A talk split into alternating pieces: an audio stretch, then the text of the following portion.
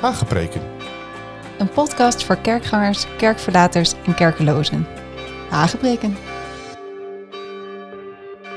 In een onzekere wereld waarin veranderingen elkaar versneld opvolgen en ons samenkomen, zingen en beleven steeds vaker onder druk komt, is een bijbelse koers houden een must en een kompas.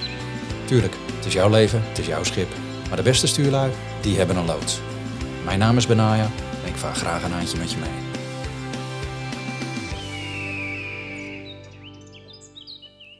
Hallo, leuk dat je weer luistert naar Hagepreken. Vandaag wil ik een uh, begin maken met een manier van God spreken dat uh, dicht aan mijn hart ligt. En te meer omdat ik er zelf vaak zoveel baat bij heb gehad. En dat is hoe God spreekt door dromen. Dromen en visioenen. Dat is een beetje dubbel op. Er zijn twee uh, facetten van dromen of gezichten die God laat zien. En dromen is de meest gangbare, meest bekende. Jaren geleden toen ik een keer een preekbus had in een gemeente in Amersfoort raakte ik in gesprek met de voorganger. En waar het precies over ging, weet ik niet meer. Maar er is wel één opmerking die mij is bijgebleven. En dat is dat hij iets noemde waarop ik zei: Ja, dat kan kloppen. Want dat heeft Heere God mij ook een keer in een droom laten zien. Waarop hij dan verbaasd reageerde. In een droom laten zien, hoe bedoel je dat? Ik nou, uh, precies zoals ik het zeg, God spreekt ook door dromen. Hij was duidelijk verbaasd, hij begon te glimlachen en hij was een beetje sceptisch over de mogelijkheid. En zei van ja, hoe vaak komt het dan voor dat, dat God bij jou iets laat zien in een droom? Nou, varieert dat natuurlijk van jaar tot jaar, maar ik liet hem weten dat dit toch wel enkele tientallen keren per jaar voorkomt. Nou, hij viel nog net niet van zijn stoel af, maar hij kon in ieder geval moeilijk geloven uh, dat dat zo was. En hij wuift het maar een beetje weg met de opmerking dat dat uh, ja, een beetje een apart verhaal was. En het was toen dat ik me realiseerde dat uh, ja, feitelijk de eerste regel van het liedje van Marco Borsato, hè, de meeste dromen zijn bedrog, wel erg goed is blijven hangen bij heel veel mensen. En dat geldt ook voor christenen, helaas. De meeste christenen die ik ken, ik ken toch wel aardig wat als ik zo vrij mag zijn, uh, zijn misschien wel open voor dat uh, ja, God zoiets kan doen, maar houden er zelf geen rekening mee en zijn er zeker niet alert op. En het was met name schokkend voor mij om te ontdekken dat ik met regelmaat christelijke leiders tegenkwam, toen ik op begon te letten vanaf dat punt, die ofwel twijfelachtig tegenover deze vorm van God spreken stonden of hier totaal geen ervaring mee hadden. En sommigen waren zelfs ja, heel duidelijk dat ze ook geen verlangen hadden om zich er überhaupt in te verdiepen. En behalve dat het laatste regeltje van Marco's liedje kennelijk niet zo makkelijk blijft hangen, want het eindigt met een één keer in de zoveel tijd komen dromen uit, staan er in de Bijbel natuurlijk genoeg verhalen waarin God sprak door dromen om te weten dat dit echt wel een dingetje is. Ik bedoel, het is niet uitzonderlijk dat God zo spreekt. En dat bedoel ik niet alleen de bekende verhalen, want die kennen de meeste mensen wel. En natuurlijk komt het meteen met stip op een Jozef in gedachten. Een verhaal waarin God uiteindelijk niet alleen dromen gaf aan Jozef, maar ook aan de schenker de bakker en de farao. Maar we weten ook, Jozef had het niet van vreemd, want, want zijn vader Jacob legde zich neer in de woestijn, viel in slaap en de hemel werd toen geopend en hij zag engelen op en neer gaan. De zogenoemde Jacobsladder. Nog veel boeiends over is te zeggen, maar dat is voor een andere podcast. Maar die droomde ook. Maar het is niet alleen in het Oude Testament, want God sprak ook in het Nieuwe Testament tot een Jozef. En dat was de man van Maria in die hele spannende tijd rondom de geboorte van de Heer Jezus. Jozef die kreeg vier keer kreeg hij een specifieke informatie en instructies van de Heer in dromen. En, uh, en ook de wijzen uit het oosten, en die waren er ook bij betrokken. Die, die kregen ook allemaal een droom. Hè. Matthäus 2 lees je dat. En wat ik dan boeiend vind, is dat, is dat dan geweest de droom van één van de wijzen? Of was het één droom die ze allemaal, hoeveel het er ook waren, uh, simultaan uh, hetzelfde droomden? Zo van allemaal een bovennatuurlijke toegang tot een ja, dezelfde droombox in de cloud van de geest van God, zou je haast zeggen. Het zou boeiend zijn. Maar dit zijn dan de bekende verhalen, maar er staan ook een heleboel minder bekende verhalen. Waarin God sprak, zelfs tot ongelovigen en tot heidenen. Koning Abimelech, de Midianieten, voordat Gideon hun versloeg, of Nebukadnezar, de Babylonische koning, zoals de vrouw van Pilatus. Anders gezegd, de Bijbel staat er vol mee. En daarom dromen zijn voor nu. En dat is dus ook de reden dat ik binnen deze serie hier aandacht aan wil besteden, omdat het een uh, manier is van spreken van God. Het is ook verbazend dat veel mensen vergeten dat de eerste preek van, van Petrus in Handelingen 2, waar hij Joel, uh, de profeet Joel citeert, dat het niet alleen gaat over het ontvangen van de Heilige Geest, maar hij zei: Het zal zijn in de laatste dagen dat ik mijn geest uitstort op alle vlees, zegt de Heere God. En uw zonen en dochteren zullen profiteren, uw jonge mannen zullen visioenen zien en uw ouderen zullen dromen dromen. En ook op mijn dienaren en op mijn dienaressen zal ik in die dagen mijn geest uitstorten en zij zullen ook profiteren. Je kunt je afvragen waarom hier binnen de christelijke gemeenschap, misschien in het Westen, uh, zo weinig aandacht voor is. Ik bedoel, toen ik nog woonde in het Midden-Oosten, heb ik uh, herhaaldelijk mensen zien, zich zien bekeren nadat zij een droom van God hadden ontvangen. Of nadat de profeet Jezus, die moslims wel erkennen, verscheen aan hen in een droom of een visioen en zich bekend maakte als Heer en als God. Uh, sterker nog, ik heb ex-moslimvrienden in Nederland die voordat zij hun hart aan de Jezus gaven een droom of een visioen van hem kregen. Maar ook Hindoes en, en, en Sikhs en, en Boeddhisten hebben eenzelfde ervaring. En dat ontdekte ik toen ik in Nepal woonde en door India reisde.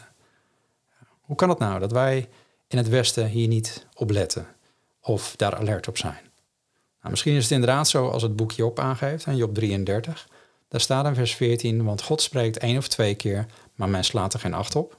Nou, die hadden we al een keer uh, de revue laten passeren in, uh, in deze serie. Maar er staat, hij spreekt in een droom of een visioen in de nacht, als een diepe slaap op de mens valt in de sluimer of de slaapplaats. Dus er staat ook heel duidelijk waarop wij geen acht slaan, is namelijk op dromen en visioenen in de nacht. Als een diepe slaap op ons valt of dat we sluimeren. En misschien is het wel zo dat we, dat we zo vervreemd zijn van onze innerlijke mens, omdat we zoveel uitwendige stimuli krijgen. En we krijgen heel veel visuele alternatieven. Door foto's, door video's, door tv, door internet. En dan kan het zijn dat onze nachtelijke innerlijke beeldbuis, om het zo maar even te noemen, ofwel gekleurd wordt door alles wat we overdag hebben opgepakt, ofwel als ehm, ja, misschien wel als minder reëel of relevant wordt ervaren, omdat we overdag zo indringend dingen op ons netvlies krijgen geprojecteerd. Dat kan. Het feit is, God spreekt de dromen en God spreekt de visioenen. En God belooft dus ook, en dat lazen we net in Handelingen 2, dat hij datzelfde ook in het nieuwe verbond zal doen. Met andere woorden, dat geldt ook nu voor ons als nieuwtestamentische gelovigen. Maar wat gebeurt er dan precies als God spreekt in een droom? Nou, als God ons onderricht geeft in de nacht, dan spreekt hij tot onze innerlijke mens. Zoals we lezen in Psalm 16, vers 7, staat daar: Ik prijs de Heer die mij inzicht geeft, zelfs in de nacht spreekt mijn geweten. En dat is dus een functie in dromen kan God spreken tot ons geweten of door ons geweten. Dat is misschien een ondergesneeuwde vorm van God spreken tot ons. Het is indirect natuurlijk, maar het is wel ingezet door God als instrument om tot je te spreken. Nou is het geweten heel precair. Het is heel gevoelig, zolang je het gevoelig houdt tenminste. Maar het is wel een natuurlijk ingebouwde waarschuwings- en een soort alarmsysteem om je te bewaren voor het overtreden van Gods eeuwige waarden. Want die zijn er. Hè? God heeft eeuwige waarden waar we allemaal wel bij varen. Misschien hebben we daar nooit zo over nagedacht, maar de tien geboden zijn eh, een uitdrukking daarvan. Ik heb wel eens gesprekken gehad met fanatieke atheïsten of agnosten die beweren dat het geloof gebouwd is rondom die tien geboden en wat je allemaal niet mag vooral. En dat het vooral onnatuurlijk is en opgelegd. Nou is dat makkelijk te ontzenuwen. Ehm, ik kaas dat met, meestal meteen terug. Ik heb wel eens gezegd tegen, tegen iemand, jij vindt het dus prima dat ik je auto steel, je buurman met je vrouw in bed duikt, je collega's tegen iedereen vertellen dat jij de belasting ontduikt. Je kinderen jou de, in de Lidl de huid vol schelden en, en iemand je moeder om zeep Dus ik bedoel, ik noem maar even de eerste helft van de eeuwige waarde van God. En dan, dan zien mensen eigenlijk gelijk al, oh ja, nee, nee tuurlijk niet. dat is onzin. En daaraan zie je, je kunt het interpreteren als regeltjes en als verboden en geboden. Maar het zijn waarden. Het zijn, zijn eh, uitdrukkingsvormen van hoe God het bedoeld heeft, hoe we met elkaar omgaan, hoe we met God omgaan. En het geweten vertelt je als kind direct al hoe die waarden eruit zien. En de eerste keer dat je loog, de eerste keer dat je iets deed wat niet juist was, spreekt onmiddellijk je geweten.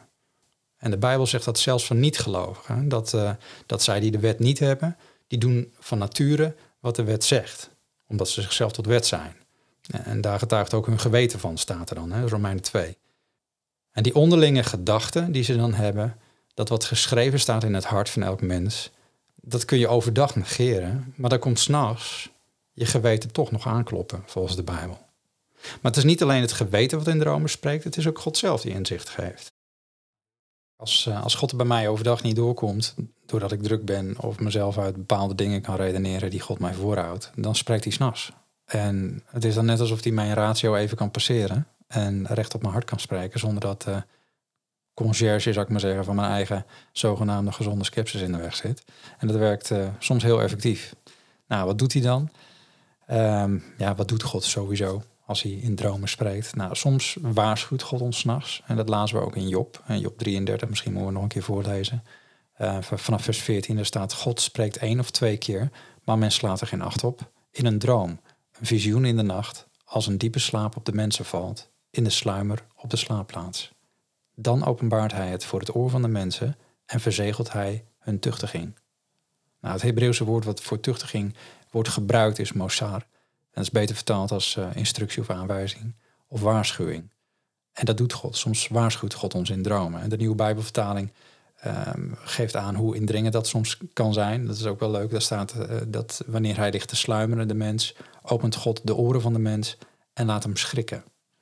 En misschien herken je dat wel, dat je een hele indringende droom kreeg, waarbij je ja, bezweet uit ontwaakt een droom die ja, je eigenlijk heel erg opschrikt en dat je ergens uh, ja, um, een soort heads-up krijgt.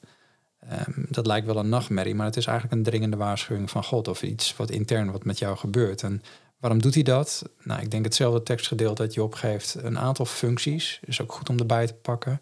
Er staat ten eerste om de mens van de verkeerde daad af te brengen. Hè, of zoals de MBV zegt, een waarschuwing om hem af te houden van een slechte daad. Dat kan zo zijn. Je kan een keer iets dromen wat, ehm, ja, waar God een waarschuwing geeft. Een mooi voorbeeld is natuurlijk die droom van de vrouw van Pilatus. Toen Jezus voor het gerecht stond. Dat is wel een mooi stukje. Ik kan wel even erbij pakken. Dat is Matthäus 27, vers 19. Daar staat, toen Pilatus op de rechterstoel zat, hem een boodschap werd gestuurd door zijn vrouw. En die luidde, laat je toch niet in met deze rechtvaardige, want ik heb vandaag in een droom veel om hem geleden. Ik weet niet precies hoe het geformuleerd is door God natuurlijk, maar, of wat ze gezien heeft. Maar ze had in ieder geval de schrik te pakken. En dat was een waarschuwing. En er staat ook uh, in hetzelfde tekstgedeelte in Job dat hij verbergt de hoogmoed voor een man. Of zoals de MBV zegt, om hem voor hoogmoed te vrijwaren. Ook dat zie je in de Bijbel. Hè. Neem, bijvoorbeeld, um, nou, neem bijvoorbeeld koning Nebukadnezar. Die kreeg een heads-up van God door een droom van een beeld uh, van de alle koninkrijken van de wereld. En lees je in Daniel. En deze Babylonische koning had de neiging om zichzelf als de grootste te zien. Hij was behoorlijk verwaand in die zin. Dat lezen we ook door het hele verhaal van Daniel heen. Hij had voortdurend de neiging om zichzelf boven de rest te stellen. En dus kreeg hij een droom waarin God aangaf: ja, je bent de grootste van de koninkrijk. Je bent een koning van koningen, staat er zelfs. Een. En niet de, want we weten wie dat is. Maar zelfs van alles wat er komen gaat, ben je de grootste. Maar uiteindelijk zal elk koninkrijk, ook die van jou, omvergerold worden door een steen. En die steen is het type beeld van natuurlijk de steen die de bouwlieden ook uh, aan de kant hadden gegooid, de hoeksteen Christus. En de rots. En daarin sprak God ook natuurlijk over het, uh, het hemelse koninkrijk dat op aarde manifest zal worden door zijn zoon Jezus Christus.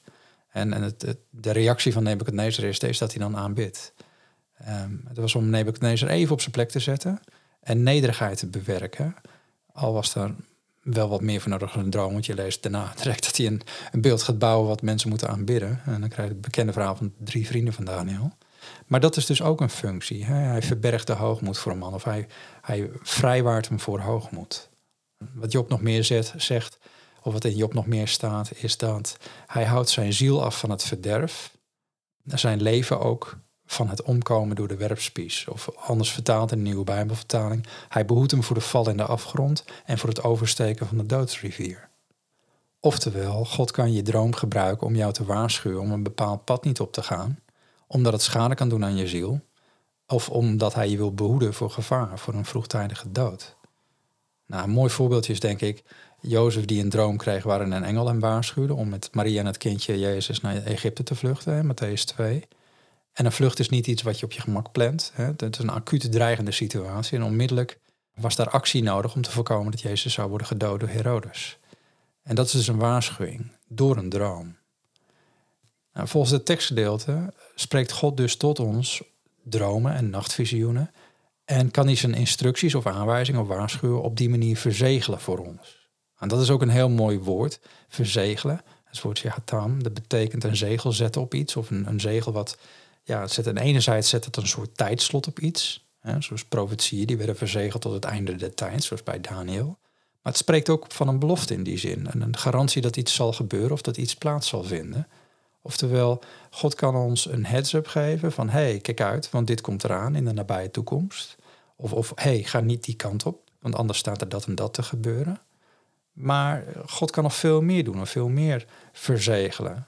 En zo geeft God bijvoorbeeld ook gaven in dromen, lezen we in de Bijbel. En we lezen dat in 1 Koningen 3, waarin God een, uh, in een droom verschijnt aan de jonge koning Salomo en zegt, vraag wat je wilt, ik zal het je geven. Nou, toen ik dat voor het eerst las, dacht ik, wauw, het lijkt bijna een haast Aladdin-achtig verhaal, maar dan zonder lamp.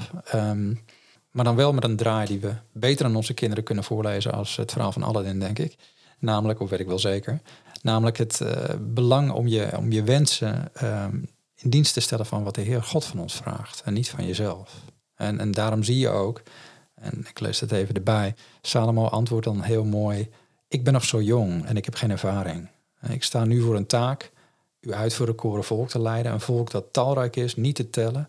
Schenk uw dienaar een opmerkzame geest, zodat ik uw volk kan besturen en onderscheid kan maken tussen goed en kwaad. Want hoe zou ik anders recht kunnen spreken over dit immense volk van u? En het beviel de Heer, staat er dan, dat Salomo juist hierom vroeg. En hij zei, omdat je hierom vraagt en niet om een lang leven of grote rijkdom of de dood van je vijanden, maar om het vermogen om te luisteren en te onderscheiden tussen recht en onrecht, zal ik je wens vervullen. En ik zal je zoveel wijsheid geven en onderscheidingsvermogen, dat iedereen voor jou en na jou, dat je die overtreft. En ook waar je niet om gevraagd hebt, zal je geven, zoveel rijkdom en roem, dat geen enkele andere koning tijdens je leven je zal evenaren. Nou, zo zie je dat God niet alleen geestelijke gaven, zoals wijsheid en onderscheidingsvermogen heeft, maar ook belooft en verzegelt dat er natuurlijke dingen worden gerealiseerd. Nou, wel even belangrijk, een kleine disclaimer. Voordat je droomt over bergen met goud en, en dan concludeert dat God je waarschijnlijk een multimiljardair wil maken. Salomo was een koning. Hè, en, en de bonusgave van God paste dus bij zijn ambt als koning. Maar boeiend genoeg was de droom niet bedrog. En niet iets vaags wat uh, Salomo na zich neer kon leggen bij het ontwaken. Maar het had een directe uitwerking in het dagelijks leven en functioneren van Salomo, zowel op geestelijk als natuurlijk gebied. En niemand zal gezegd hebben, joh, het was maar een droom, Sam, uh, laat je niet gek maken. Nee, de uitwerking bleek en werd bekend. Zelfs tot in Sheba, de koningin van Sheba kwam zelfs kijken. Maar er is meer. Uh, niet alleen geeft God gaven, God kan ook profiteren in dromen. En hij sluit verbonden. En als je denkt dat dit vergezocht is, nou, dan moet je het verhaal van Abraham maar eens lezen in Genesis 15. Daar lezen we het volgende. Het gebeurde toen de zon bijna onderging dat er een diepe slaap op Abraham viel. En zie, een grote schrikwekkende duisternis viel op hem. Daar heb je weer dat schrik-effect. Misschien wel de vrezen des Heren. Toen zei God tegen Abraham: Weet wel dat uw nakomelingen vreemdelingen, vreemdelingen zullen zijn in een land dat niet van hen is. Zij zullen hen dienen en men zal hen 400 jaar onderdrukken. Maar ook zal ik over het volk dat zij zullen dienen recht spreken en daarna zullen zij met veel bezittingen wegtrekken. Maar u, u zult in vrede tot uw vaderen heen gaan. U zult in goede ouderdom begraven worden. De vierde generatie zal hier terugkeren, want de maat van de ongerechtigheid van de Amorieten is tot nu toe niet vol. En het gebeurde dat de zon onderging en het donker werd. En zie, er was een rokende oven en een brandende fakkel die tussen de stukken doorging. En op die dag sloot de Heer een verbond met Abraham. Oftewel, een volledige profetie over hoe niet alleen Abrahams leven zou verlopen, maar ook wat zijn nageslacht te wachten stond. En dan de verzegeling wat alles is gezegd door een verbond. Ik denk dat ook Abraham nooit heeft gezongen, de meeste dromen zijn bedrog. Misschien zeg je, ja, maar nou ja, het is allemaal leuk, maar ik droom zelf dus echt nooit. Of wat ik droom hangt van ons en aan elkaar. Dat, dat betekent echt niets.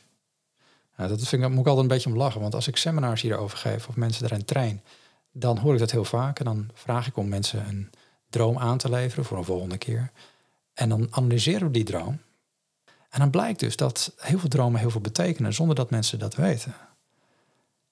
En ik heb het zelf ook altijd gezegd. Totdat iemand mij een tip gaf om eens een notitieboekje naast mijn bed te leggen. En op het moment dat ik wakker werd, om dan kort na de droom gewoon een aantal sleutelwoorden op te schrijven. Zonder te veel moeite te doen om volledig te zijn of, of helemaal wakker te worden. Maar gewoon een aantal steekwoorden. Want dan kon je de rest ochtends vaak wel weer uh, makkelijk herinneren. En dan kon je het verhaal compleet maken.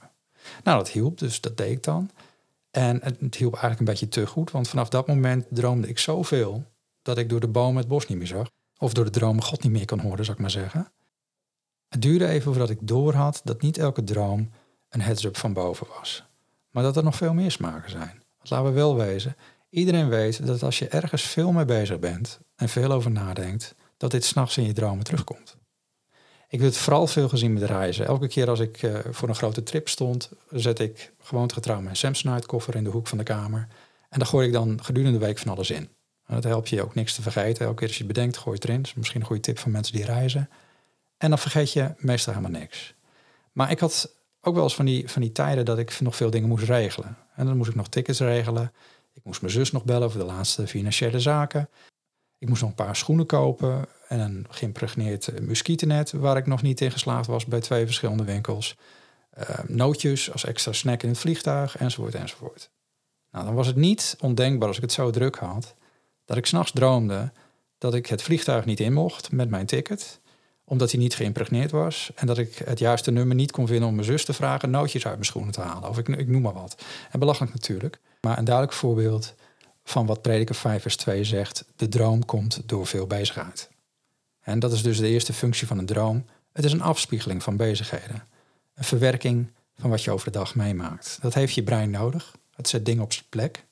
Of het geeft aan dat je ja, soms overloopt van alles wat er in je hoofd rondspeelt.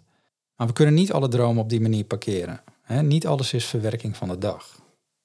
Er zijn ook dromen die iets zeggen over jezelf. Dromen die boodschappen zijn naar jezelf of over jezelf. Die geven inzicht in wat er speelt van binnen. Ik noemde al even Psalm 16. 16 vers 7, waar staat dat de, de Bijbel ons laat weten dat ons geweten in de nacht kan spreken. En ook je hart kan spreken in je dromen. En ook je hart is als een soort barometer waar je staat, geestelijk. En Lucas 6 vers 45 zegt Jezus zo mooi dat ons hart onze schatkamer is. En dan zegt hij, de, de goede mens brengt het goede voort uit de goede schat van zijn hart. En de slechte mens brengt het slechte voort uit de slechte schat van zijn hart. Want uit de overvloed van het hart spreekt de mond. Nou, daar komt ons Nederlands gezegde vandaan. Waar het hart vol van is, loopt de mond van over.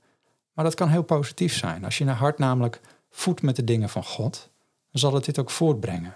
En dan zal je hier zo vol van zijn dat je er voortdurend van getuigt. Hè? Dan, dan loopt je mond van over.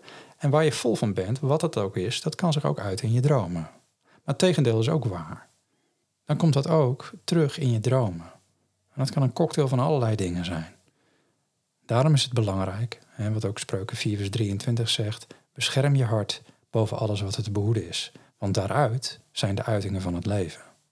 Maar gelukkig weten we ook dat Hij ons dromen zal geven. Het zijn zijn dromen en Hij zal dingen duidelijk maken. Als je nou denkt, ja, hoe weet ik dat nou? Hoe weet ik nou wat van God is? Misschien is het wel van de duivel. Ja, dat kan. Ik heb ook wel eens dromen gehad die satanisch geïnspireerd waren, waar ik heel duidelijk wist, dit is niet van God. Hoe weet je dat?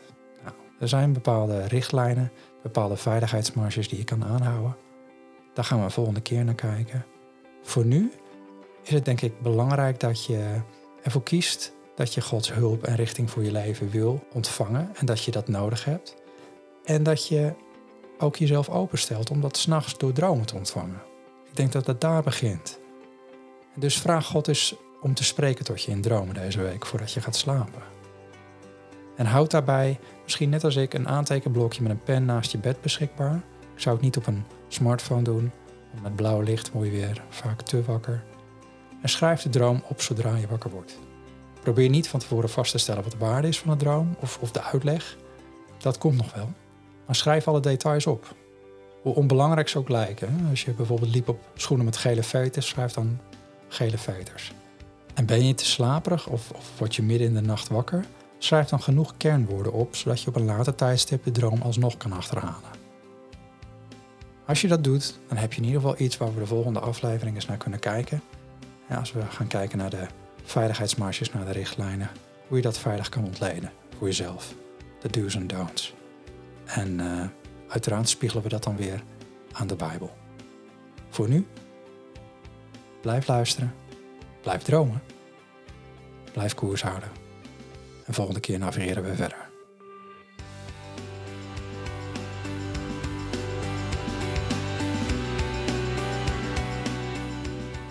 Heb je vragen? Heb je opmerkingen? surf even naar benaia.nl. Word je doorgeluisterd naar een contactformulier en dan kom je in contact met mij.